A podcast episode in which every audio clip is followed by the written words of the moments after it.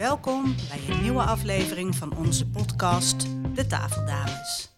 Ik ben Mette en dit is mijn moeder. Marianne. Met elkaar en met andere moeders en dochters praten we over onze moeder-dochterrelatie en welke invloed we hebben op elkaars leven. Let's go. Mam, we zitten niet eh, in onze Nee, omgeving. nee, we zitten tegen een Uitzicht. weiland aan te kijken. Fantastische We plek. zien gelukkig de koeienstal niet, dat is ook alweer prettig. Een hele idyllische plek in Maarsen. Maar zo. Maarsen, we zitten in Maarsen. En we hebben een gesprek vandaag, heel erg leuk, met Sabine Meulenbelt, met een D. Met een D. En Ja. ehm, ik, ik ga even wat voorlezen wat mij aansprak in, in- op jouw website. Omdat wij het natuurlijk ook heel erg hebben over verbinding. En eh, vond ik het heel leuk om te lezen. Ik wil me inzetten eh, voor een wereld waarin elk individu met plezier en eigenheid kan ontplooien. Ongeacht cultuur, gender, geschiedenis of levensovertuiging. Ja, daar werd ik heel erg blij van, omdat ik denk, ja, dat is ja, wat we te doen hebben, vind ik ook in het leven. Hoe verbinden we en hoe zien we en merken we waar we niet verbinden? Mhm. En waar we toch een oordeel hebben over iemand of in onze eigen concepten vastzitten over hoe de wereld eruit moet zien. En eh, ja, naar mijn idee ben jij daar eh, heel erg vol mee bezig. Ja, dat klopt wel. Ja. Ja. Wil je er wat over vertellen? Eh, Wie ben je, wat doe ik? je? En ja. Nou, ik ben Sabine Meulenbelt. Eh dankjewel dat ik eh, in jullie podcast mag eh, zijn. dus, Welkom, dat ja. ten eerste. Ehm, wie ben ik? vind het altijd een lastige vraag, omdat ik denk, ja, ik ben in de eerste plaats mens. eh, vrouw, dochter, tante. Dat zijn dan de eerste dingen die in me opkomen. Eh, therapeut. En wat ik vooral in mijn professionele leven ben, is trainer. Eh, en zoekende ben ik ook als mens. Ja, zo kan ik nog even doorgaan. Ja, ja, ja, Ja. ja, precies. Ja, ja want het, het leuke is dat ik. Op, nou, ik, ik ga- gaf net die quote uit je eh, eh, website. En toen las ik ook, en daar zijn wij natuurlijk altijd heel erg benieuwd naar. Van goh, als ik naar mezelf kijk, laat ik daar beginnen. Wist ik al van mijn achtste, deed ik eigenlijk al wat ik nu deed, doe. En kijk, hoe zit de wereld in elkaar? Je hebt het ook over het onderzoeken. Hè? Hoe zit de wereld in elkaar? Hoe gaan we met elkaar om?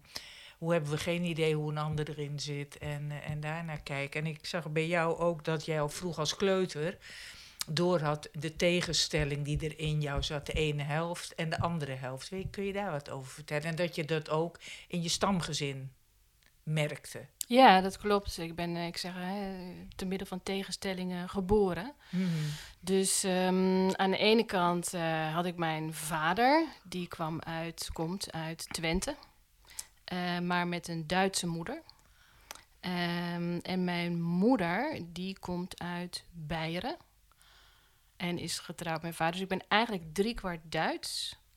Ehm, en ik merkte toen ik eh, eh, kleuter was, dan zeiden mensen wel eens mof tegen me. Oh ja.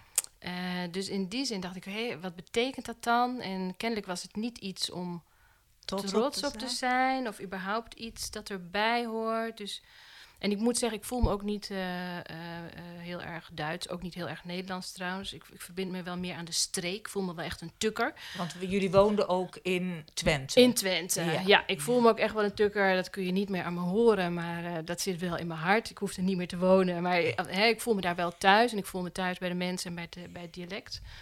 Ehm, maar in Duitsland, dat is ook heel erg verbonden aan de streek. Dus echt eh Unterfranken, waar mijn moeder vandaan komt. En dan eigenlijk specifiek nog dat dorpje, daar, dat, daar voelde ik me dan wel thuis. Maar als ik dan in Nederland was, ja, dan moest je het daar niet heel erg over hebben Mm. met ehm, eh, je klasgenoten of eh, oudere kinderen. Die hadden dan wat meer kaas ervan gegeten. Dus ik wist al heel vroeg wat het woord mof betekende.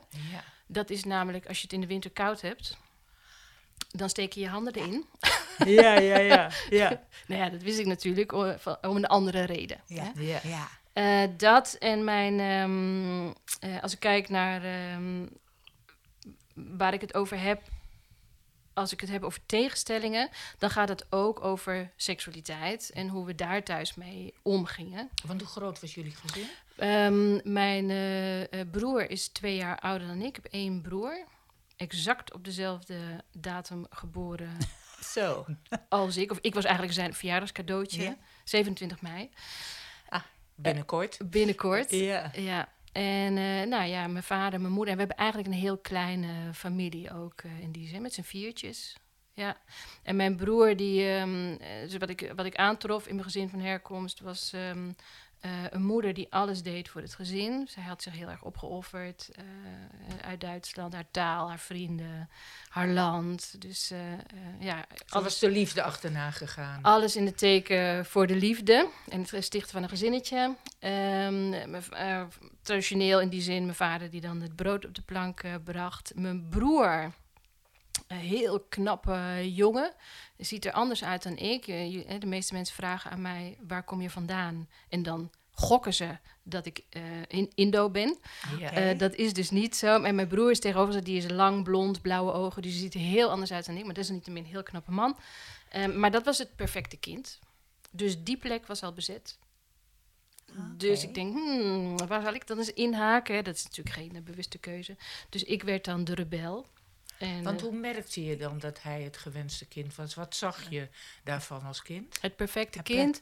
Ja. Ehm, eh, hoge cijfers, intelligent, werd veel op zijn, ehm, eh, op zijn prestaties, werd hij veel eh gestroked. Hoe zeg je dat in Nederlands? Veel, Bewonderd of zo? Of, kreeg hij veel erkenning ja, voor. ja, ja. Ehm, ja, Maar dat is wat jij zag. Hoge als- cijfers. En eh, ja, wat, wat ging hij dan worden? Hij had veel talenten. Wij hebben alle twee onwijs talenknobbel. Dus ja, misschien diplomatiek, et cetera, et cetera. En eh, eh, ja, weinig strubbelingen ook. Best een meegaand kind, denk ik ook vroeger. Best een braaf. zegt toch wel eens dat de oudste dan de wegbereider is voor de jongere kinderen. Nou, dat heb ik niet eh, op die manier ervaren. Mhm. Als het gaat om eh, de puberteit bijvoorbeeld, was ik wel echt degene die ja, wat strijdt. Heeft geleverd. Ja, en, eh, zeker. ja. Ja. Ja. Dus de rebel, ja, degene die dan meer uit, die er niet zo in past. En wanneer werd je je daarvan bewust dat jij hem zo zag en daarin een rol voor jezelf koos of innam? Ik denk dat is pas veel later geweest toen ik allerlei trainingen ging doen rondom eh, zelfontwikkeling en systemisch werken, transactionele analyse, al dat soort dingen. Toen ben ik eigenlijk pas gaan denken, oh wacht even, ja, eh, dit is de rol die ik eh, aangenomen heb vanwege wat ik aantrof en misschien niet eens zozeer vanwege wie ik Ben. ben. hè? Ja, je treft iets aan en daar verhoud je je toe. Ja, en, je springt in daar waar je nodig bent ook, denk ik. Het heeft ook een functie gehad. Ja. Ja, want je zei als kleuter zag ik al het verschil. De ene helft wel, de andere. Kun, kun je daar wat meer over vertellen? Wat, je, wat merkte je dat je meisje was of dat een jongen anders? eh, hoe, hoe ging dat? Ehm, eh, ja, jeetje. Nou, in ieder geval is het zo dat mijn eh, broer was dus vrij makkelijk en ik wat minder, maar ik was ook wat meer experimenteerderig.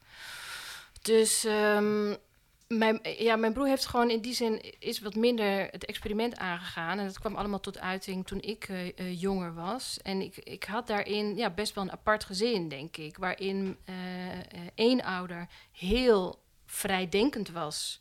Heel ruimdenkend en volledig vertrouwen had in eh, wat ik allemaal tegen ging komen. En ook ehm, eh, eh, mij seksuele voorlichting heeft gegeven. Dat was mijn vader. Het praatje. Hè. Ja. Ehm, toen was ik nog heel jong. Ik was toen denk ik een jaar of tien. Zat ik op de basisschool. En hij ging vanzelf het gesprek aan Ja, met ik- jou erover. Ja, maar ook Ja. echt heel, weet je, niet eh, terloops. Het was echt van, oké, dit moet nu Dit wordt het moment. Ja, dit Ja. wordt het moment. Eh, en ik vond het super interessant. En toen had hij het ook al over eh, orgasme bijvoorbeeld. Want hij zei dan, ja, dan is het even heel erg lekker. En daarna niet meer. Waardoor ik dacht, hmm, waarom zou je dan überhaupt aan beginnen? Ja, ja, ja. Dat begreep ik dan helemaal niet. Maar dat is dus wel mooi dat hij daar plek voor maakte. Ehm, en ik had ook een, eh, op de basisschool een docent, een eh, meester heette dat, heette dat toen in ieder geval nog. Die, had ook, eh, die gaf ook veel, dit ook veel rondom seksuele voorlichting. Dus ik heb eigenlijk van twee mannen heb ik geleerd dat het oké is om überhaupt over seks te praten. En natuurlijk ook vanuit dat ja, mannelijke perspectief ehm, seksualiteit leren kennen. En mijn moeder, die eh, ja, zij als klein meisje had helemaal niks meegekregen in dat enorm katholieke behouden dorpje waar ze dan eh, vandaan kwam. En toen zij eh, voor het eerst ehm, haar menstruatie had, toen dacht ze dat ze doodbloedde. Ja. Dus het was verschrikkelijk voor haar. Het was echt traumatisch. En wat, waar zij mij heel graag voor wilde behoeden, was eh, dat ik zo eh, zou schrikken als dat zij had gedaan. Want tegen haar zeiden ze: Hier, eh, hier heb je wat verband. Ja. En regel het maar. En daar begon eigenlijk al de eerste spraakverwarring. Want in Nederlands is verband Is medisch, is... is medisch. Hè? ja. Dat is een rolletje doorgaans en dat Ja. doe je dan ergens omheen.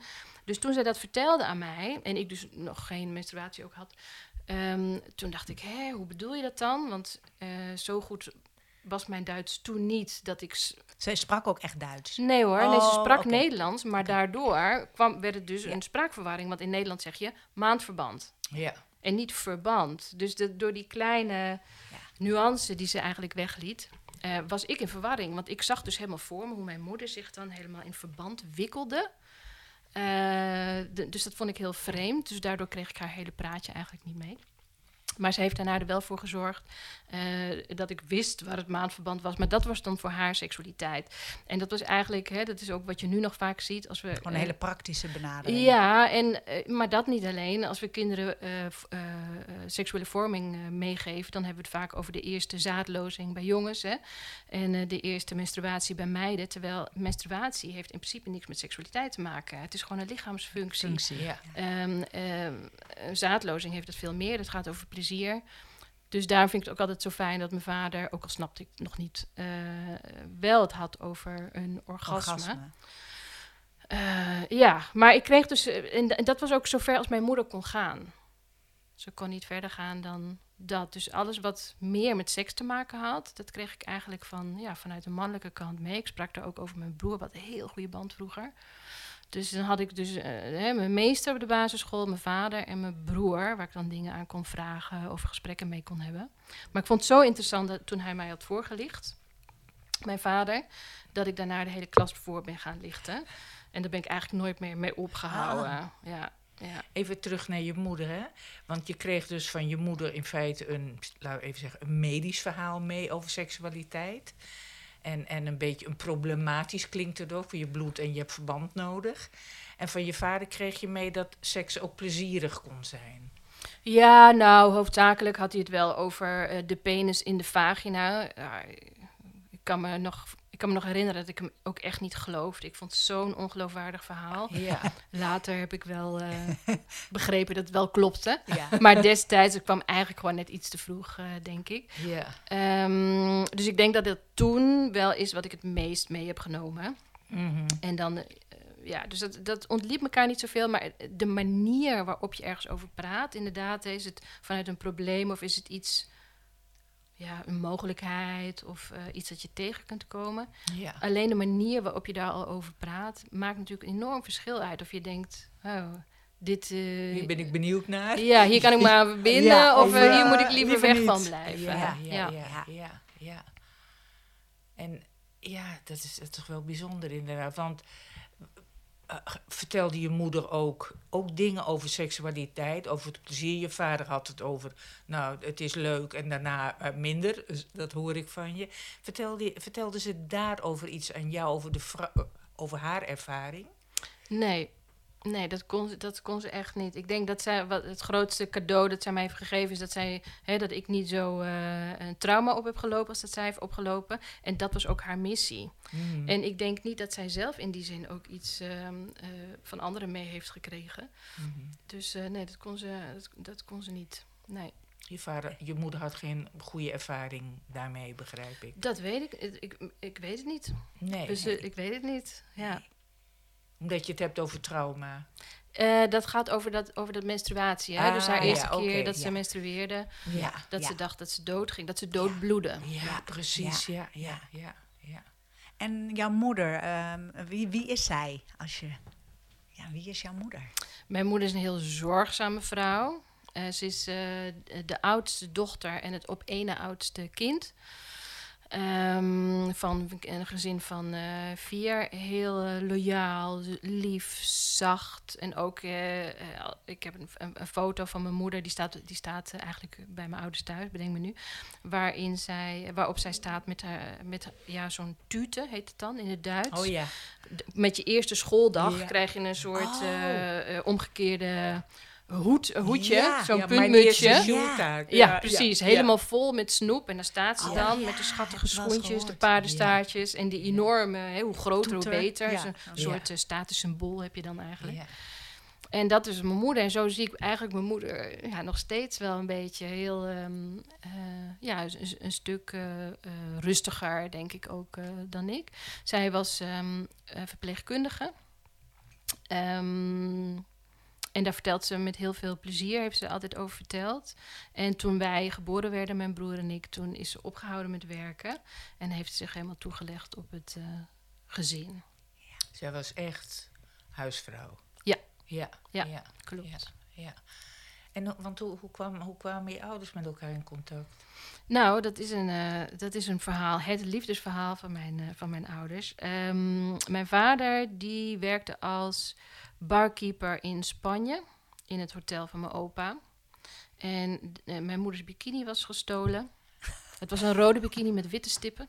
Oh, ja, ik zie hem zo voor me. Ja, Ja. gestolen. En zij ging klagen bij mijn vader. En mijn vader zei, spring maar achterop mijn motor. We gaan naar de winkel om een nieuwe bikini te kopen. Eh, en drie dagen later vroeg hij haar ten huwelijk. En ze zei ja. Nee. Echt waar. Ja.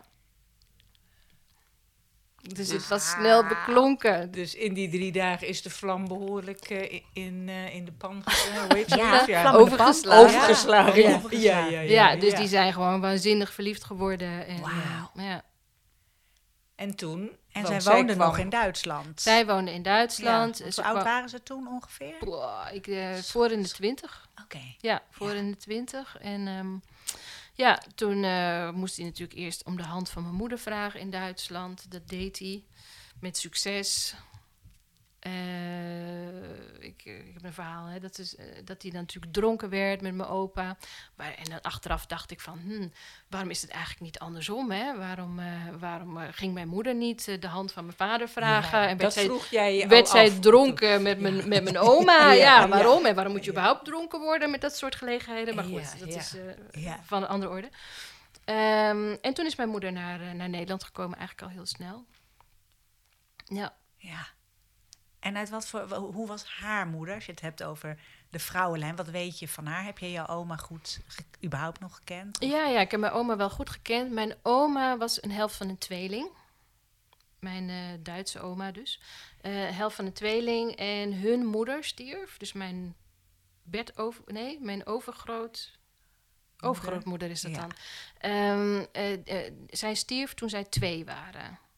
Dus toen mijn oma twee was, toen stierf haar, Haar moeder. moeder. En ik eh, denk dat zij daardoor een enorme hechtingsprobleem eh, heeft eh, ontwikkeld. Zij werd eigenlijk opgevoed door haar oudere zus, hoofdzakelijk. En wat mijn oma altijd vertelde, was dat zij zo'n verschil had. zo verschillend was aan de andere helft van de tweeling. Dat was tante Hildegard, zoals ik haar dan Ja. eh, ken. Ehm, zij vertelde het volgende: dat ze waren, ze eh, waren ze in de klas en dan had ze iets stouts gedaan en dan moest ze met haar handen naar voren komen. Dan moest ze haar handen eh, uitsteken en dan mocht ook niet de onderkant, maar dan moest de bovenkant van de handen. En dan kreeg ze met het liniaal Ja. op de handen en dan zei ze, Sabine, dan keek ik de leraar recht in zijn ogen aan en ik huilde niet. Zo. Dat? Ja, ja. Maar, zei ze, en mijn zus moest altijd huilen. En daar, en daar baalde ze dan heel erg van. Maar dat was zo'n eh, manier om te vertellen hoe hard ze eigenlijk was natuurlijk. Toen was ze echt nog jong. Ik denk ook eh, onder de twaalf. Ehm, en ze vertelde altijd van kattenkwaad, wat ze uithaalde. En ik geloof ook dat ze heel veel kattenkwaad, eh, kattenkwaad heeft uitgehaald. En dat hield ze ook vol in haar oma zijn. Dus ik weet niet hoeveel oma's stiekem in een tuinhuisje was dat overigens. Een iets groter tuin, een iets kleiner tuinhuisje dan waar we nu eh, in zitten. Eh, maar dan vond ze een eh, pakje sigaretten van mijn tante. En dan zaten we daar met mijn twee nichtjes ook. En dan zei ze van, nou, zullen we een sigaretje opsteken? En dan gingen we een sigaretje opsteken. Nou, wij waren zes, zeven. dus het was maar dat soort dingen deed zij. Ja. En ik heb meer van dat soort herinneringen. Zij was gewoon heel, ehm, ja, ook nog een beetje meisje. Hè? Eigenlijk ongepast natuurlijk, maar toch een beetje de wereld nog ontdekken. Ja. Heel, eh, eh, ja, en ook een heel eh, belangrijke vrouw. Ook in het dorp was er een, centrale, een centraal huis. Mijn opa was smid. En samen met mijn oma, ja, hadden zij heel veel contacten. En was het altijd een zoete inval bij ze. Ja, en koken, veel koken. Alle, alle vrouwen uit mijn vrouwenlijn kunnen allemaal fantastisch koken. Jij ook? Ik kan ook goed koken. Oh, wat ja. mooi, wat Ja. mooi. En, en wat vond je moeder van je? Hoe was de band van je moeder met haar moeder, dus met jouw oma? Ja, dat, eh, kom ik, daar kom ik niet helemaal, eh, eh, kom ik niet helemaal achter. Ehm, ik weet wel dat mijn moeder gewoon een heel, heel zware jeugd heeft gehad. Dus eh, eh, ze heeft geen enkele positieve herinnering aan haar jeugd. En dat is wel veelzeggend. Hè? Ik heb veel horrorverhalen die ik nu niet zal, eh, zal noemen. Nee. Maar verhalen waarvan ik dacht, oh ja, dat is niet goed. Is- hè? Zo ga je niet met eh, kinderen om, ook niet met volwassenen trouwens. Dus wel, zij heeft he- wel heel heftige dingen meegemaakt. En zij, eh, wat ik wel kan vertellen, is zij moest heel jong al, echt toen ze een jaar of vijf was of zo, moest ze al voor haar eh, oma zorgen, die dan bedlegerig eh, was. Ehm, die zat bij haar en die woonde toen bij hun in huis, kennelijk. En ook voor haar jong, jongste zusje, die had een gips.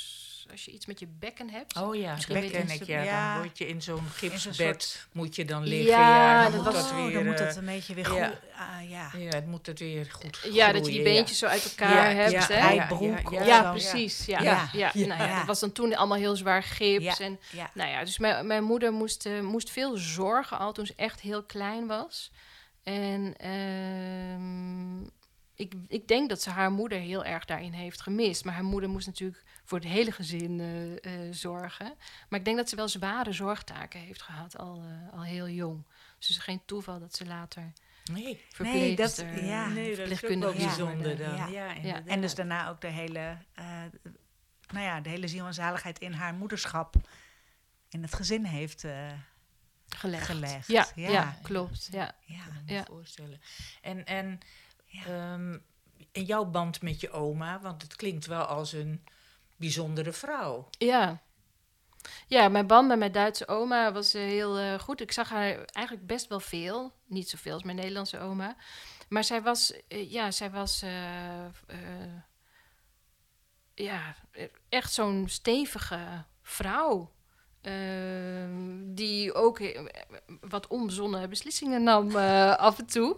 Maar dan wel iemand die altijd werkte. Dus ik ken van huis uit wel dat vrouwen met name gewoon altijd aan het werk zijn. Hout hakken of op het land of jam maken of slachten. Of ja, het echt zo ouderwetse dorp. Ja, altijd bezig. En zorgen, zorgen, zorgen. Dus dat heb ik wel meegekregen. En de band met mijn oma was... Ja, ik kan me echt wel veel, veel eh, situaties herinneren. Dan zei ik, oh oma... En dan stopte ze me in, s'avonds ging ze naast mijn bed zitten. Dan zeg ik, ah oma, vertel nog eens over vroeger. En dan vertelde ze een verhaal over kattenkwaad. En dat was eigenlijk hoe we elkaar eh, vonden. Vonden. Ja, Ja, ja, En ja. koekjes bakken en dat soort dingen. Ja, Ja, ja, maar ze vertelde veel over haar jeugd. Nou ja, ik had die verhalen op natuurlijk. ja, precies, precies, ja. Mooi. En, en, en als je daarnaar kijkt, hè, wat, wat, kun je zien als je naar de vrouwenlijn kijkt ook wat jij daarin hebt meegenomen daarvan? Mhm. Ik denk, ehm, eh, want we hebben het nog niet gehad over mijn eh, Nederlandse oma. Of wilde je dat later gaan Nee, doen? nee, nee, nee. Eh, want die is ook heel bepalend eh, voor me geweest. Eh, en ook denk ik in wie ik nu ben en wie ik geworden ben, heb ik een heel goede band mee gehad. Eh, ik zeg altijd, als, als zij er niet was geweest, dan had ik denk ik niet meer geleefd. Dus het was echt een opvangplek voor mij. En zij was echt een heel chique vrouw. Een beetje aristocratisch. Ehm, heel flexibel, want mijn opa was, mijn Nederlandse opa was ehm, handelsman, hoe zeg je dat nu? Ja, in ieder geval ja. eh, ondernemer. En die, Oh, die ging de hele wereld over met allerlei handeltjes, had hij dan altijd. Ehm, en mijn oma die laveerde daar helemaal eh, eh, goed in mee. En ze had het echt wel heel goed samen. Hij heeft wel goed geboerd. En zij zorgde dan ook, ja, ik, ik zag haar ook als een centrale, ja, centrale figuur eigenlijk in die familie. En ook toen zij overleed, ja, toen viel het ook een beetje uit elkaar. En dat is eigenlijk ook gebeurd met mijn Duitse eh, familie. Hè? Als, als die oma's overlijden, dan gebeurt Het is er toch iets. dan ja, eigenlijk de, de, het hele, de ziel of de, de, de lijm in zo'n... Ja, Ja, ja, wat dan eh, eruit, ge, ja. ja, eruit gerukt wordt. Dus ja, wat heb ik mee? Ik denk heel veel. Eh, plezier in koken. Ik denk dat dat best wel centraal is. Mhm. Ja. Ik zat wel eens te denken, stel je nou voor dat ik hem één wens mocht doen, dan zou het de wens zijn dat, om mijn twee oma's in de keuken te zien. Samen. Samen. Ja. Dat is nooit gebeurd. Dat is nooit gebeurd. Nee. Eh, Voor zover ik mij kan herinneren, is dat nooit gebeurd. Nee. Nou, dat zou ik toch wel leuk vinden. En Nou. dat ik dan als, als, als keukenhulpje ja. Ja, ja. Oh, mooi. snijtaken uit mag voeren. Nou, dat lijkt me heel erg leuk. Ja. ja. Maar ook, ehm, ja, toch wel. Ik, ik, ik, ik- kijk, ik heb een soort haat-liefde met zorgzaamheid. Want eh, ik, ik, ik ken de kant dat zorgzaamheid eh, opoffering is. Ja. Eh, maar natuurlijk ben ik zorgzaam, want ik zorg voor mensen in mijn beroep. Ik ben heel erg geëngageerd als het gaat om ja, de wereld en de positie van vrouwen. Mhm. Ehm, dus ik heb toch dat zorgzame, ben ik bang, wel in me. Nou, en je zegt, als mijn oma van mijn vaders kan, dus de moeder van mijn vader, daar, daardoor heb ik dit vak gekozen, ben ik deze kant op gegaan. Want? Nou, daar, eh, ik denk dat zij. eh, het ging. Nou, kijk, ik was de rebel, hè? Dus Ja. ik, heb, ben, ik ben niet altijd heel erg hygiënisch met mezelf omgegaan. Maar doordat ik een veilige plek had bij mijn oma, Ja. eh, waar ik me ook terug kon trekken, ook als het niet zo goed ging. Eh, nou, ik denk dat ik het op, de, op die manier wel overleefd heb. Anders eh, was ik er misschien wel uitgestapt een keertje. ja. Dus dat, ja, ik weet niet of dat heel erg te maken heeft met mijn beroep. Ja, misschien ook wel. Ehm, ja, ik weet het niet. Nee. Ik weet niet of dat, eh, daar heb ik eigenlijk nog niet zo over nagedacht. Nee, maar bij haar had je een veilige haven in ieder geval, waar Ja. je altijd terecht kon, wat je ook deed. Ja, Was je welkom bij haar. ik was altijd welkom bij haar. Ja, nou ja, in die zin, ik denk wel, dus eh, vanzelfspre vanzelfsprekend welkom. Dat is ook graag wat ik mensen wil bieden. Ja. Eh, ja, dat heb ik daar wel, heb ik wel bij haar geleerd. Ja. Ja. En ik weet ook wat het tegenovergestelde is. Dus ik, ik, ik, ik weet, ik, ik kan me altijd wel goed tussen die twee uitersten bewegen. Ik, ik kan goed omgaan met eh, extreem trauma wat mensen hebben. Maar ik kan ook goed eh, omgaan en goed de focus blijven houden, desalniettemin, eh op nou, bijvoorbeeld positieve seksualiteit en blije seks. Ehm, maar we vinden het heel moeilijk om over lekkere seks te praten als het eigenlijk vinden dat het over trauma moet gaan, bijvoorbeeld. Maar dat betekent dus dat we nooit blije gesprekken, echt blije gesprekken kunnen hebben als het altijd maar over trauma moet gaan. En ja, dan missen we wel echt de boot. Dus ik, dat is ook iets wat ik mijn cliënten mee wil geven. Om juist ook die mooie en plezierige kant. eh, Ja, ja, Ja. ja. want uiteindelijk komen ze daarvoor, denk ik, niet zozeer eh, om het over om te trauma door te akkeren. eh, door, ja, dat. Het is natuurlijk dat is een, dat is een, een onderdeel. Ja. Ehm, en, en wat dan? Dus waar heb je recht op? Hè, een traumavrij leven betekent niet dat je een plezierig leven hebt. Het betekent niet dat je seksueel welzijn hebt. Dus ik wil echt, die, dat, is, dat is wat mij betreft het doel. En niet zozeer traumavrij. Dat is, eh, dat is een tussenstation. Ja. Daarna moet je gewoon lekker kunnen genieten van je lichaam en van andermans lichaam. En eh, nou ja, hoe doe je dat dan weer? Hoe verbind je je weer aan je lijf? Ja, Dat is wel, wel mooi wat je zegt, want ik herken wel dingen die, die wij, denk ik, in ons werk ook tegenkomen. Dat we eerder geneigd zijn om naar eh, de, de zwaarte te gaan, naar het, de, het drama te gaan. eh, waardoor de ander. ja, ik moet opeens denken aan een zin uit een liedje wat ik heel vaak gebruik eh, eh, in, in mijn coaching. Dat is een zin die me greep uit een liedje volgens mij van Pink Floyd. Why can't love touch our heart as fear does? Weet je wel, waarom, waarom komt die angst, dat trauma veel heftiger binnen? Dan dan de liefde, Mhm. die er ook is. Hè? Nee, kijk maar, als we een, een compliment krijgen, dan zeggen we: Oh ja, nou, die heb ik al heel lang en eh, weet ik veel wat. Maar als we iemand bekritiseren, dan komt het veel harder binnen. Dus die vergelijking, hè? terwijl dat andere zo belangrijk is. Dat is mooi wat je zegt. Ja. En dan vind ik het ook belangrijk om dat echt expliciet te benoemen. hè? Dus we- ja. eh, ik noem het nu een beetje eigenlijk ook omvloerst. Hè? Dus eh, als ik zeg eh, een lekkere seks, ja, wat betekent dat dan? Dat betekent voor iedereen iets anders. Maar dat zijn dus exact de gesprekken die ik dan ook Ja. heb. Ja. Heel, Heel concreet. Heel concreet heel expliciet. Ja. Ja. Eh, Want anders komen we er niet. Hè, als je iemand leert rekenen, dan le- leer je ook iemand alle cijfers En Eh, heel exact. en heel specifiek. exact. Ja. En oké, en zo kun je dus dit bereiken uiteindelijk. Ja. We moeten die heel specifieke gesprekken wel echt hebben. Ja, Ja, en ik moet ook denken aan wat je net zei over dat zorgzaamheid. Hè? Dat er natuurlijk een hele prachtige kant aan zit. En dat er ook een gevaar of een, een downside aan zit op het moment dat, nou ja, hoe, wa- wat heb je daar van je, je voormoeders gezien? eh, eh, of herken je nog bij jezelf terug?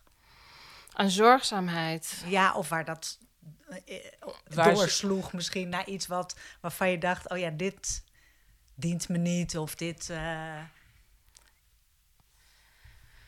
Ja, ik denk, wat ik, ik, ik ben een heel loyaal eh, eh, persoon. Dus ik ben tot bloedens toe loyaal, zeg ik wel eens. En ik wijd dat ook eh, aan die zorgzaamheid. Eigenlijk, eigenlijk is loyaliteit is gewoon een andere vorm van zorgzaamheid. Ehm, en, en, en dat betekent ook dat je, hè, hoe, hoe meer loyaal je bent aan een systeem, ja, hoe lastiger het is om echt loyaal te zijn aan jezelf. Dus dat heb ik denk ik wel te doen. Steeds weer terugkeren naar mezelf en eh, loyaal zijn aan mezelf, mezelf op één zetten. Maar dat betekent ook eh, dat ik daar soms wel eens een hoge prijs voor betaal. Hè, het, is, het wordt je natuurlijk niet altijd in dank afgenomen. En ik neem mezelf ook niet eh, altijd in altijd dank af. ja. Dus een van de dingen die ik mijn cliënten leer is als je schuldgevoel ervaart, dat is een teken dat je op de goede weg zit. Hè, het is niet, we leren dat is een teken dat je iets fout doet. Ja, nee. Ja. het is een teken dat je op de goede weg zit. Want ehm, eh, het gaat er niet om dat je dat niet hebt. Het gaat erom hoe leer je het dragen. Hoe leer je schuldgevoel te voortduren. Ja. Nou ja, dat zeg ik aan mijn cliënten. Maar dat moet ik natuurlijk ook tegen mezelf nee, zeggen. maar- Ja. Nou, Eh, Heel herkenbaar. heel herkenbaar, heel herkenbaar. Ja, dat klopt. Ja. Nou ja, is het dan ook dat je eigenlijk zegt, waar wordt loyaliteit afhankelijkheid? Ja, Want dat is natuurlijk een hele belangrijke. Doe ik het werkelijk omdat ik het wil of omdat ik me anders schuldig zou voelen, me niet eh, goed genoeg zou voelen of weet ik veel wat. Ja, ja, ja, Ja. precies. Ja. Nou ja, en ik denk, ik zie dat ook in mijn relaties terug. Ik heb, ja, ja ik, ik ben nu weer eh, vrijgezel. Eh, Mhm. Ik wil heel graag echt wel een leuke, lange liefdesrelatie, maar ik vind het toch ingewikkeld. Hoe kun je dat dan doen op een manier waarop je trouw bent aan jezelf? En dat ik toch denk, eh, dit, ja, hè, dus tussen afstand en jezelf en verbinden en, En- en niet loslaten, verliezen niet en- verliezen. Ja. ja. Ja, dat is wel een, een, eh, een dingetje. Want ik heb natuurlijk van dichtbij meegemaakt hoe je jezelf, wat mij betreft, wel echt kunt verliezen. En dat wil ik eigenlijk, eh, eigenlijk niet. Ik heb ook vijf jaar in Spanje gewoond. Mhm. En ik denk dat dat niet voor niks is geweest om afstand te nemen. Van? Van? Ehm, eh, eh, ik denk, eh, ja, dat is een ingewikkeld puntje, mensen. Oh, oké. Hmm.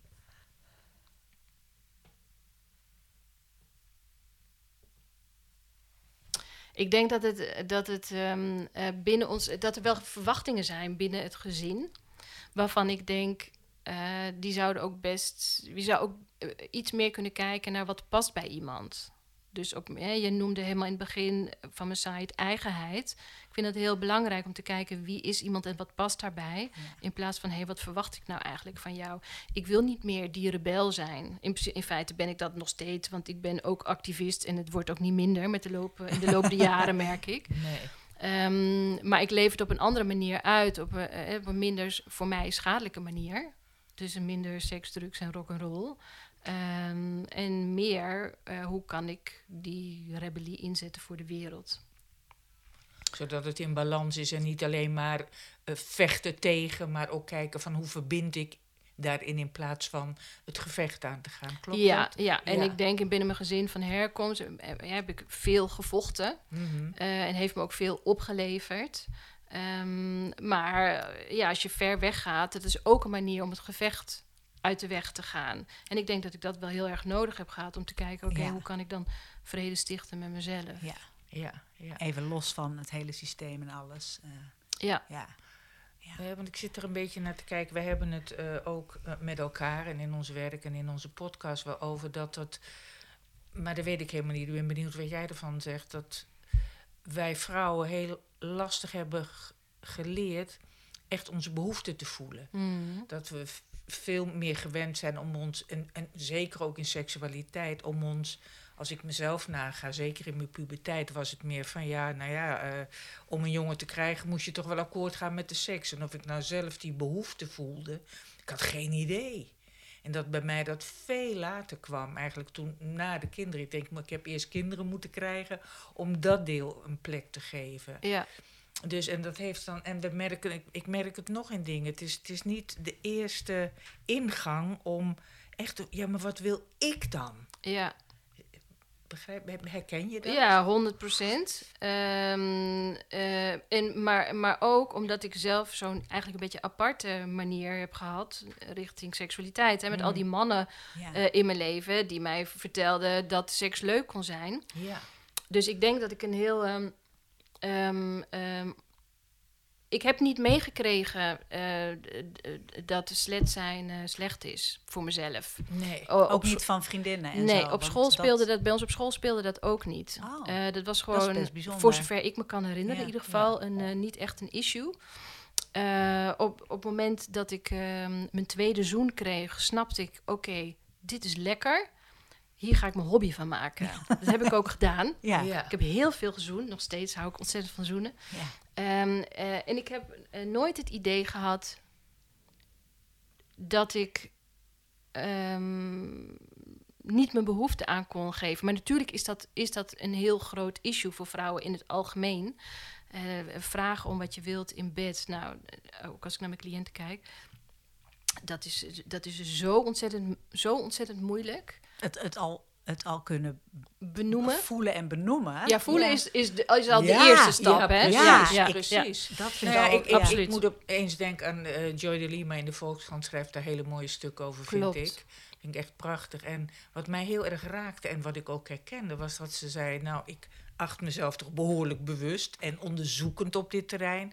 Kijkend wat wil ik, wat is mijn behoefte en noem maar op. Tot ik opeens merkte, terwijl ik aan het vrijen was, dat ik kreunde om het hem naar de zin te maken. Ja. Ja. Toen dacht ik, ja, dat is zo sub. En dat doe je, Affirmatie bijna. dat doe je een- niet ja. bewust, dat, dat, dat is wat in ons zit.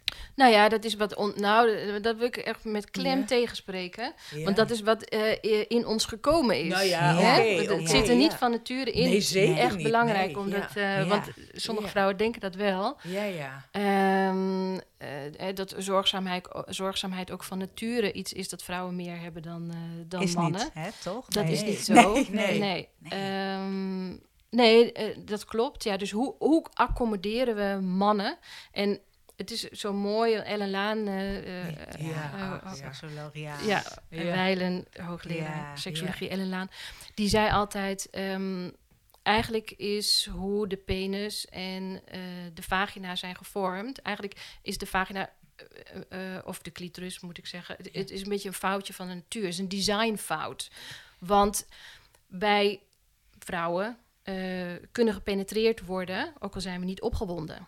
Ja. Maar mannen Ja. kunnen niet penetreren Nee, als, ze niet opgewonden opgewonden, zijn. zijn. Nee. Dus als vrouwen een slappe hebben, Ja. een slappe clitoris, dan zijn ze eh, nog steeds penetreerbaar. En dat is eigenlijk heel erg jammer. En zo hebben we veel slechter geleerd dan mannen, dat we dus opwinding nodig hebben voor, Voor penetratie. En wat we meiden, vrouwen nu wel leren, hè, dat je nat moet zijn eh, eh, om überhaupt te kunnen denken aan een plezierige penetratie. Maar wat we ze nog steeds eigenlijk niet leren, is dat je ook een gezwollen genitaal moet hebben. Ja. O- om, om te bedenken dat je misschien nou, klaar kunt zijn voor penetratie, lichamelijk gezien. Ja. Ja. En dat is wel echt, echt belangrijk. Ja. Ja, Ja. dus dat, dat wat je vertelt over dat kreunen en het accommoderen van mannen. Ja, we hebben een vagina. eh, en eh, ja, als die nat is, dan, ja, dan zou je daar in theorie in kunnen. Ja. Ja. Ja, maar moet je dat dan doen? Moet, ja.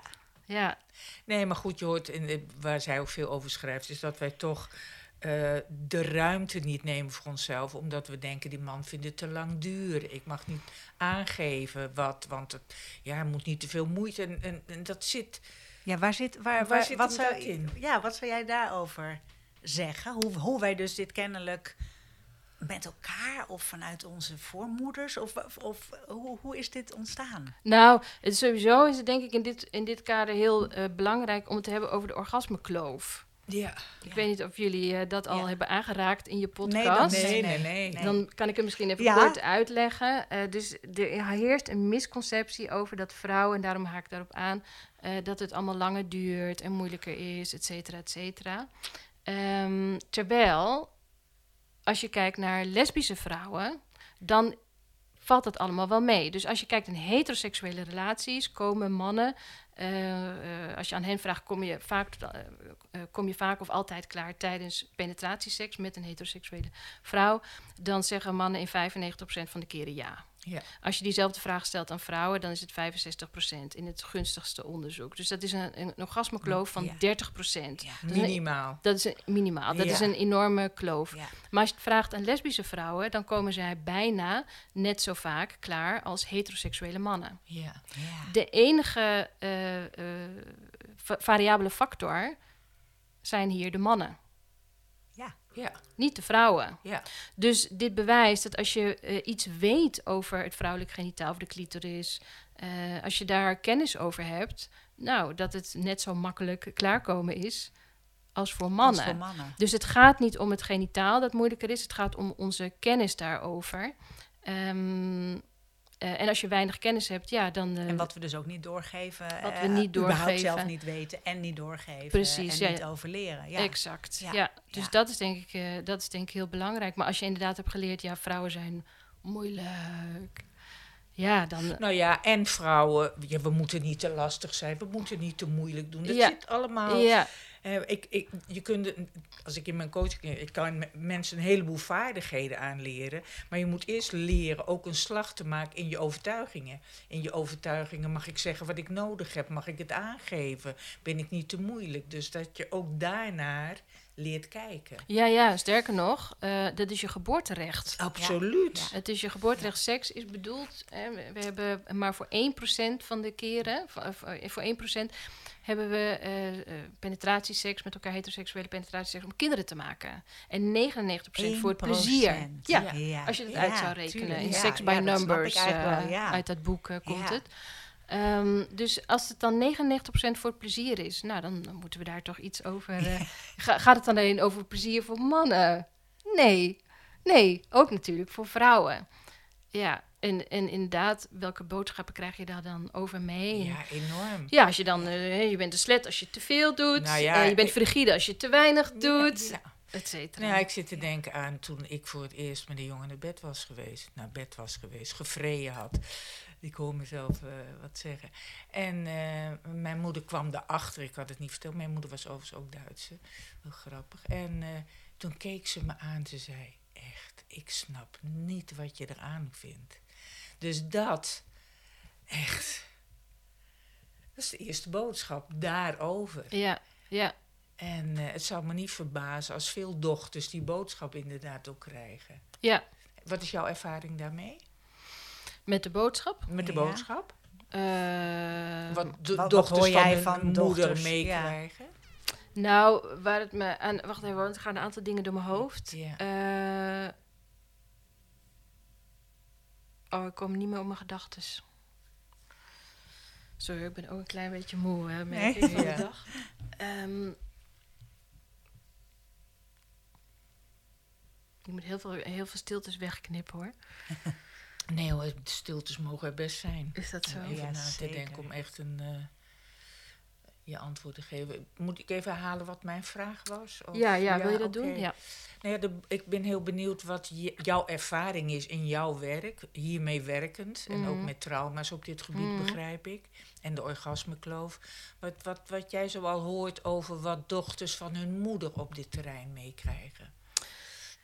Ja. Met name als mensen komen vaak bij me als ze eh, wat minder goede ervaringen hebben gehad. En eh, de reactie die andere mensen dan geven, die is heel belangrijk. En de, re- de reactie die moeders geven, natuurlijk dubbel belangrijk. Ja, Eh, ja. zeker als het gaat om vrouwen. Dus als er ja, iets van een verwijt wordt gegeven, zo van ja, maar je, hè, je, liep er, je loopt er ook wel heel uitdagend bij. Nou ja, eh, wat betekent dat dan? Mag dat dan wel of mag dat dan niet? Mag je een seksueel wezen zijn? En als je dat dan bent, eh, eh, mag een ander dan over je grenzen gaan, et cetera. Dus het is, het is, ja, je hebt eigenlijk een heel klein landje om in te laveren als vrouw. En ik denk zeker dat moeders dat ook aan dochters doorgeven. Ja, ja, en die hebben natuurlijk ook weer gekregen. Het is allemaal uiteindelijk eh, functioneren binnen een patriarchaal eh, systeem. Ja, ja. Ehm, en daar doen vrouwen ook aan mee.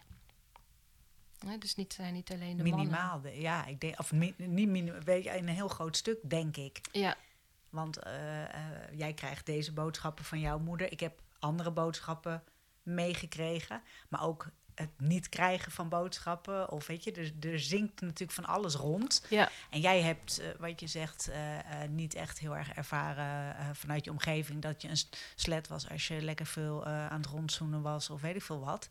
Terwijl ik heb ervaren dat daar best wel naar gekeken werd. En Ja. dat er hele andere normen waren. ja, Dus er wordt ja, door de hele omgeving.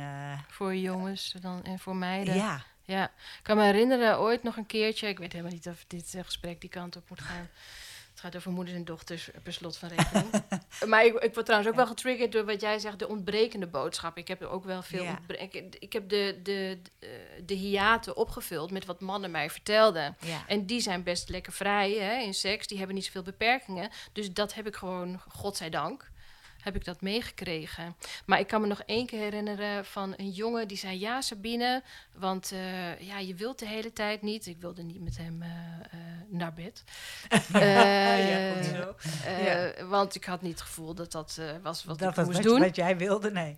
En toen zei hij ja, en ik had met die en die had ik seks. En dat was veel makkelijker, want die, die zette je gewoon in een positie als een soort pop. En dan, en dan gingen we gewoon vrijen. En dat ik echt bij mezelf dacht, hmm, is dat dan de bedoeling? Dat iemand je in een bepaalde positie zet en dat je dan genomen wordt? Ik vond dat zo bevreemdend, maar als je weinig referentie... eh, eh, hebt. En dat heb je natuurlijk als je opgroeit. Je hebt geen referentiekaders. Nee, nee. Dus je krijgt alleen de kaders mee die je op dat moment aangereikt krijgt. Ja, dan, dan is het best wel pittig soms om je daartoe te verhouden. Maar ik dacht nog wel, en ik weet het dus ook kennelijk nog steeds. Ik dacht wel, wat een gekke uitspraak. En, eh, Nou ja, en zo gemakkelijk gegeven lijkt het. Of zo vanzelfsprekend lijkt het uit zijn mond te zijn gekomen. Dus. ja, Ja. ja, ja, ja. ja. Dus dat is ook wel bijzonder. Nou ja, en ik weet van jou dat je ook als behoorlijk vrij was en de, nou ja, bijliep zoals jij wilde. En dat eh, riep toch ook wel wat Dat reacties op. eh, riep zeker reacties op. Dus daar heb ik ook al vrij snel ervaren dat er een heel andere norm was. En ehm, nou, ik mo- moet ook eigenlijk ineens denken, dat is dan wel weer grappig. Kun je je eigen behoeften voelen? Ja. eh, laat staan daarvoor uitkomen of, er- of daarom vragen als je Mhm. iets eh, zou willen. Ik heb toen het idee gehad dat ik daar best wel, eh, dat ik het best wel helder had wat ik daarin lekker vond. En, eh, en dat ik me daar dus ook niet door liet remmen vanuit de omgeving.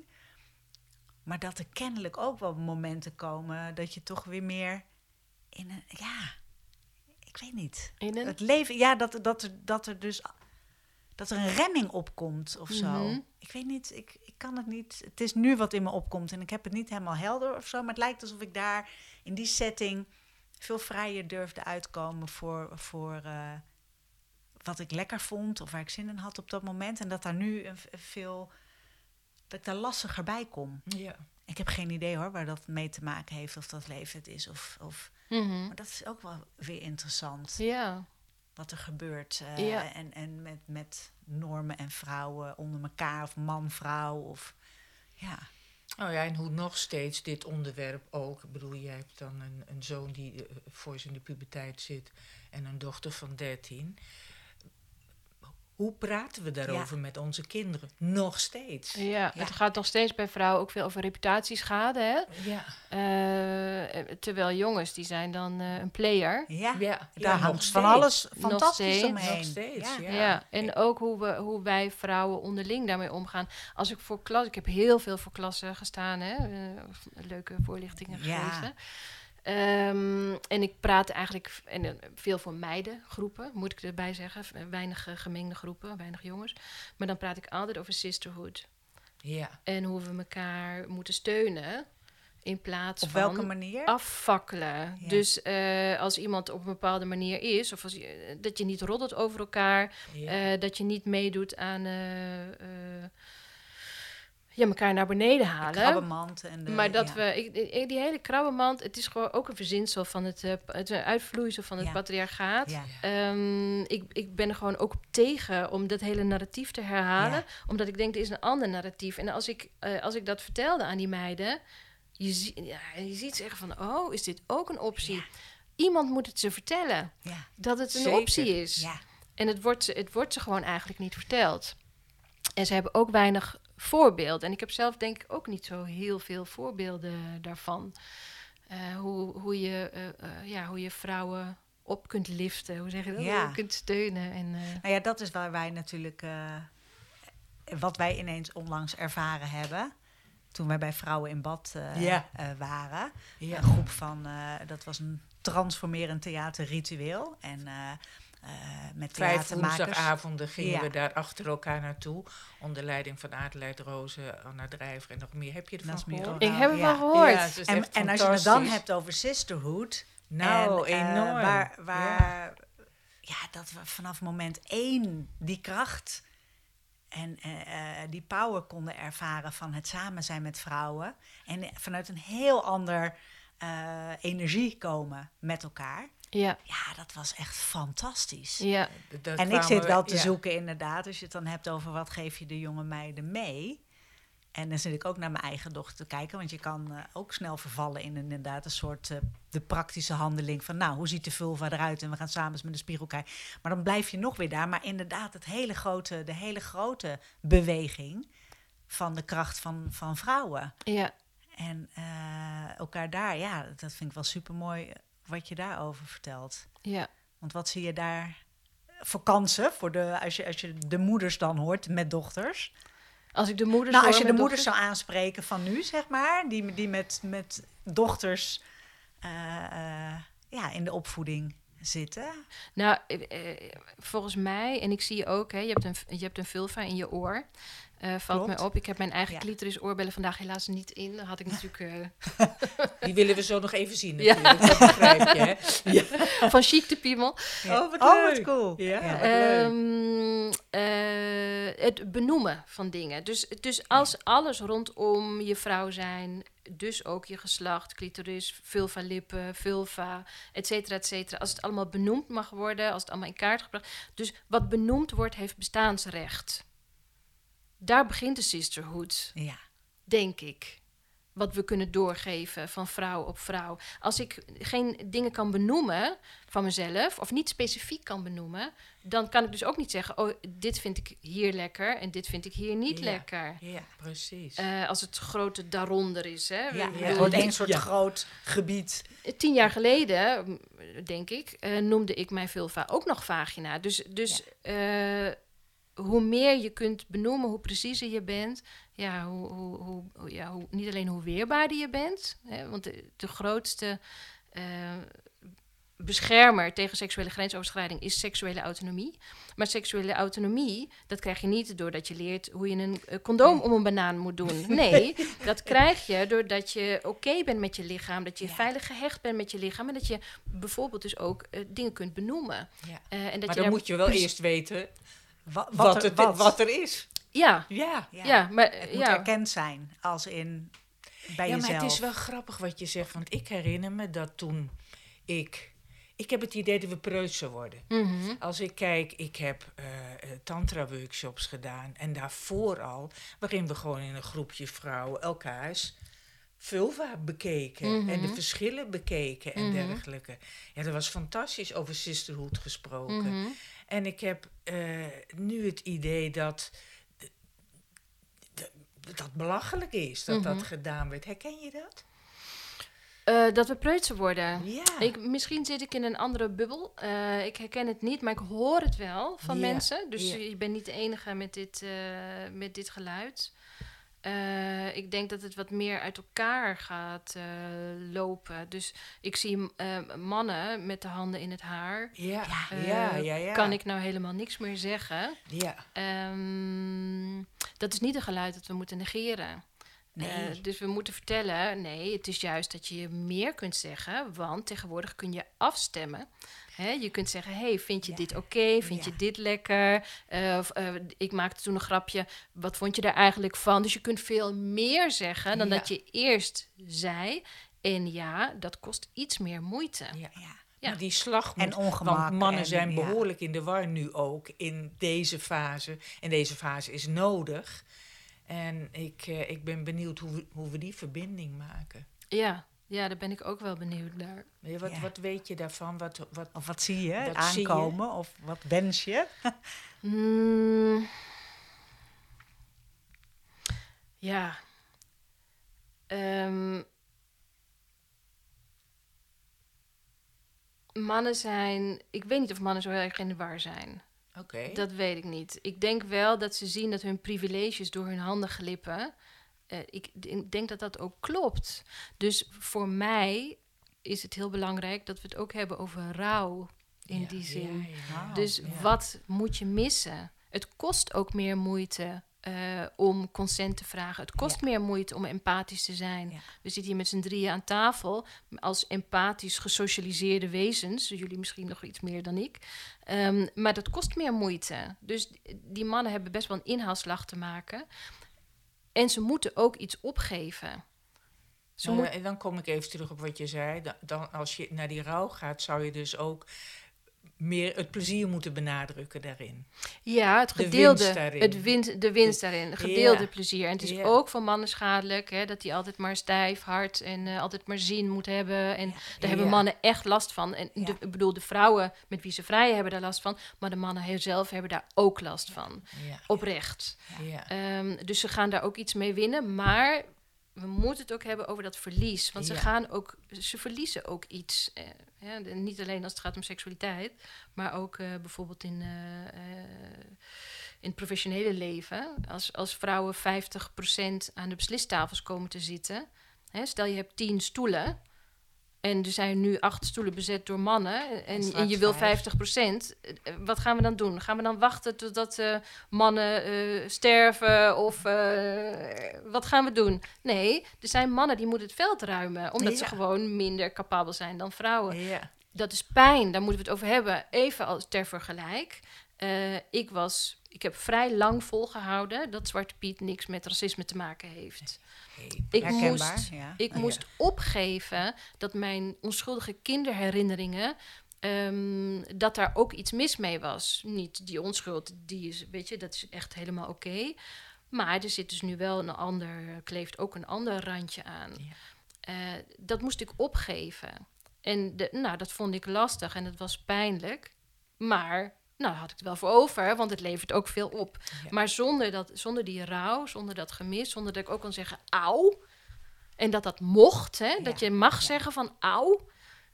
Nou, ik denk, ik denk dat, dat dan zo'n beweging veel sneller gaat. En dat het dus ook geldt voor die mannen, ja, die ook iets moeten missen.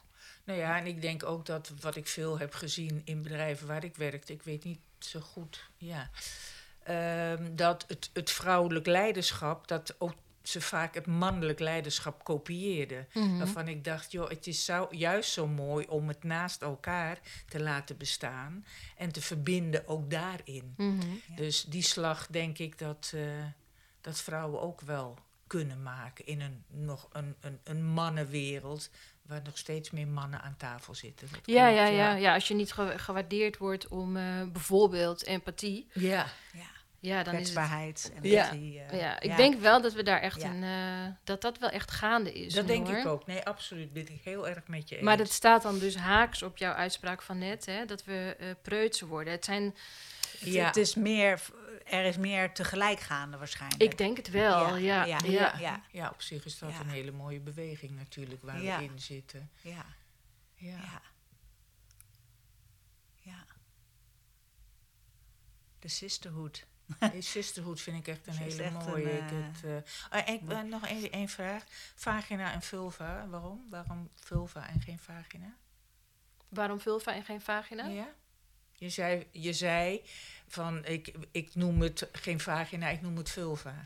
Ja, omdat de vagina is is, mijn onderdeel. is een eh, eh, vagina is vanaf de vagina-ingang tot aan de baarmoeder. Hè? Dus het is echt de buis. Ja. En de vulva is alles wat je aan de buitenkant ziet. Dus de glansclitoris, de vulva-lippen, eh, eventueel wat eh vulva-haar. Ja, Eh, alles ja, ja, inclusive. precies. Nee, even- Inclusive, all inclusive. All inclusive. Om het, nee, maar goed, eh, Ja. het, het viel even net. Ik denk even belangrijk om te, Om het te benoemen, wat benoemen. het verschil is. Ja, ja, dus als we, als we, als we vulva vagina noemen, dan eh, kunnen we nooit differentiëren. En dan kunnen we dus ook niet Nee. benoemen wat, er, ja, wat we graag zouden willen. Ja, ja, ja. Die wensen aangeven, dat is zo, eh, dat is zo belangrijk. En Wat- het benoemen en het, ja. En het weten en En het het- ja, herkennen, dat ja. is... eh, Ja. ja. Dus dat die clitoris zoveel groter is. Ja, dat is ook pas ontdekt. eh, Nou, dat is al heel lang het geleden al ontdekt. Ja. maar gecommuniceerd. Ja. En, eh, Ja, dus daar dat ben ik dat ook wel trots op dat we als eh, Stichting Ja. Seksueel Welzijn Nederland, dat we er hè, gelobbyd hebben om dat in het biologieboek te krijgen. Ja. Maar ja, dat staat er dus pas sinds 2020 dat staat bedoel het ik, erin. het staat er echt pas zo kort in, hè? 2020 in Nederland, in Ja. ons progressieve landje, not. Ja, En dan ook nog maar nu, geloof ik, inmiddels twee uitgevers. Maar Maar is als je- dat zo? Ja, maar als je op het eh, praktijkonderwijs zit, dan heb je niet eens een biologieboek. Wie gaat het je vertellen? ja. Wie gaat zoiets essentieels vertellen? Je moeder. Ja. Nou, ik wou net Ja, zeggen, je ja, ja, moeder. Ja, ja, nee, dat Ik klopt. voel echt een Nou ja, eh, ik- mooie ja. opdracht ook en taak. eh, Nou ja, we, we- merken wel, bedoel, je hebt eh, dan eh, ook een, een, een dochter. We zitten ook wel eens samen te kijken. Ik Sien is 13. Ook te kijken. Ik zit ook wel te kijken, wat kan ik als oma dan in doen? Omdat dat ook wel een brug is die heel belangrijk Ja. is. Die vaker, vaker weet ik niet, maar die soms makkelijker is om te nemen als kind dan Ja, omdat het niet je gaan. opvoeden is, direct. ja, precies. Dus Ja, dat is... eh, ja. ja, ik kreeg, ik kreeg gisteren voor moederdag een mok met allemaal tieten erop. En iedere tiet is even mooi, weet je wel. Was Ja. dan kreeg ik van haar dochter, was heel erg mooi. Dit positivity. Dus Ja. het is echt, ja, is Boobs, fantastisch. wat was het nou? Ik weet niet eens de tekst meer. Maar de- all boobs are... All boobs nee, are good. ja, Are good. en dan ja. allerlei vormen, maten, Allerlei- ook een, een- ook een, ook een- afgezette of een- borst oh en ja, alles. Echt heel En dat ik prachtig. ook wel moest denken van... dat koopt mijn dochter voor haar oma. Dat Ja. is natuurlijk eigenlijk al fantastisch. Ja. Dat dat gebeurt, dat dat kan, dat, je, dat ze zich daar vrij in voelt. Ja, Dus aan de ene kant, wat je ook zegt, het signaal van... nou, er is al echt een hoop gaande. En aan de andere kant, eh, nou ja, voel ik aan mezelf ook wel hier een opdracht als moeder... om, eh, om daarin weer iets anders te gaan doen dan wat ik zelf eh, een wist toen. Of, of Ja. Ja, ja. Nou ja, en ook met die impliciete boodschappen Ja. doe je natuurlijk zoveel. Zo'n oorbel als dat je er nu in hebt. Dat zegt dus zoveel over wie je bent en hoe je erin staat. En als je dat als, eh, als voorbeeld hebt als moeder, dat is toch fantastisch. Dan weet je toch gewoon van, oh, ik kan bij mama, ik kan gewoon Kan met overal, overal, overal, ja, ik kan met, bij haar gewoon terecht. En mijn oma, vind ik nog wel leuk om te vertellen. eh, want, Welke de- oma? De Nederlandse oma. Ja. Die had het ook wel eens over orgasmes. En dan zei ze, dit is een glorieus moment van ontspanning. Zo noemde zij dat. Ze Oh, vond orgasme vond ze Wauw, wauw. glorieus moment van ontspanning. moment van Dus toen, ik weet zeker dat mijn oma orgasmes heeft gehad. Anders had ze dit niet zo... Anders had ze het niet zo Omschreven. uh, opgeschreven, denk Nee. ik. Ehm, en, en dat is eigenlijk een impliciete boodschap die zo belangrijk is. Want zij leert mij daardoor dat je eh, eh, genieten als vrouw, dat dat erbij hoort. Niet, ik wilde eigenlijk die zin afmaken met dat het oké is. Nee, het hoort erbij. Ja. En ja, dat was een belangrijke impliciete boodschap Ja. voor me. Prachtige boodschap. Dus ik wil je Ja. aanmoedigen om het over orgasmes te hebben. Ja, ja, ja, ja, ja. Ja, ja. ja, ja. mooi. Morgen mijn eerste gesprek. Ga ik het Nee, met je, met je kleindochter. Ja, ja, ja, nee, Met je cliënten. Met ja. mijn cliënten. Ja. Ja. nee. Ja, Mooi. mooi. Ja. Is er nog iets wat jij, waarvan je zegt van nou, dit zou ik nog willen meegeven aan dochters of moeders in, het- in dit kader? Of is alles gezegd? Dat zie vraag je me nu. Als Ja, nu begint het pas, eh, Sabine. We beginnen nu pas. Nee, ik wou zeggen, en als alles gezegd is, dan proosten we gewoon op de vulva. en op de sisterhood. Ja, laten we daarop Laten we dat proosten. Ah, we Dankjewel, proosten. Hey, Sabine. proost. Proost. Dankjewel, hè. Ja. Ben je benieuwd naar wat we allemaal nog meer doen? Volg ons op Instagram, het Moeder en Dochter Samen. Of check onze website www.moederendochter.com.